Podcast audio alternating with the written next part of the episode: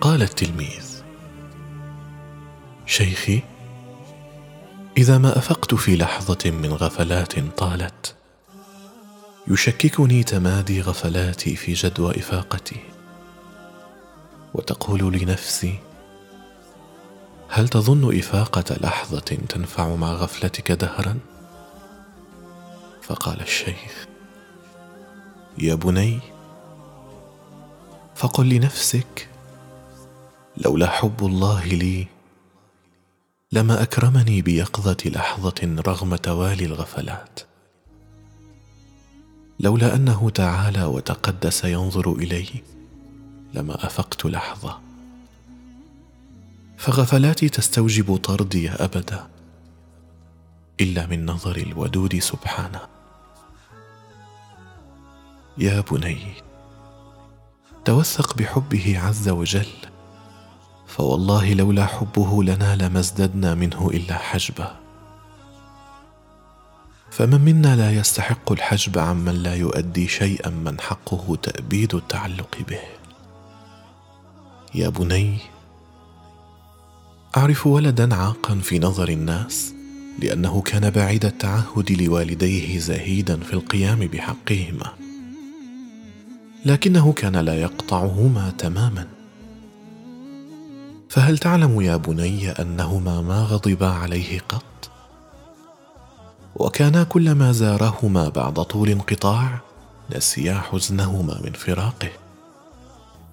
وكانت صلة لحظة كفارة قطيعة زمن عندهما. هكذا يفعل الحب. هل تعلم أنهما ما أغلقا في وجهه بابا؟ رغم أنه هو من كان يوصد بابه دونهما. بل هل تعلم أنهما ما ملا من استزارته؟ هذا حب العبيد. فكيف بحب ربهم؟ أنسيت يا بني قوله صلى الله عليه وسلم عن أم تشفق على ولدها أشد الشفقة. لله أرحم بكم من هذه بولدها.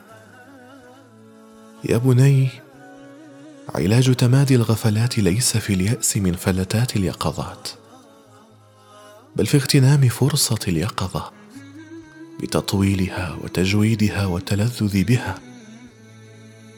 يا بني دواء الغفلة أن تشعر بها. فمهما تكرر الداء أو طال فمن عرف أنه غافل فقد عرف الداء والدواء. فإن رجع إليه الداء فلا يمنعنه تكرر الداء من اغتنام الدواء. يا بني رب يقظة لحظة تكون عند الله خيرا من استيقاظ العمر ورب غفلة لحظة تقضي على استيقاظ العمر.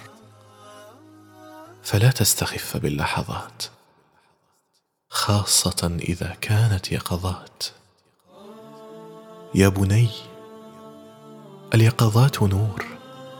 أترى كيف يبدد نور الفتيلة الذابل ظلام الحجرة الواسعة التي تزيد على حجمها بأضعاف المرات؟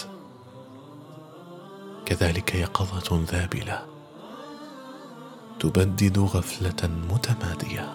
رباه إني مذعن وفقير متذلل مما جنيت كسير تتزاحم الآهات بين جوانحي بقلم الشريف حاتم بن عارف العوني تبتل وزفير فاغفر إلهي كلما أذنبته فالدمع من فرط الذنوب.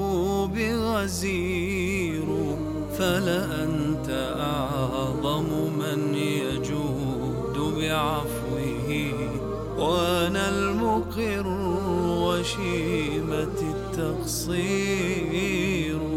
يا ربي خذ بيدي فإني مبحر.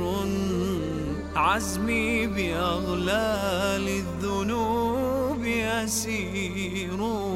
آلاؤك العظمى جرت أنهارها والنفس في فلك الشتات تدور.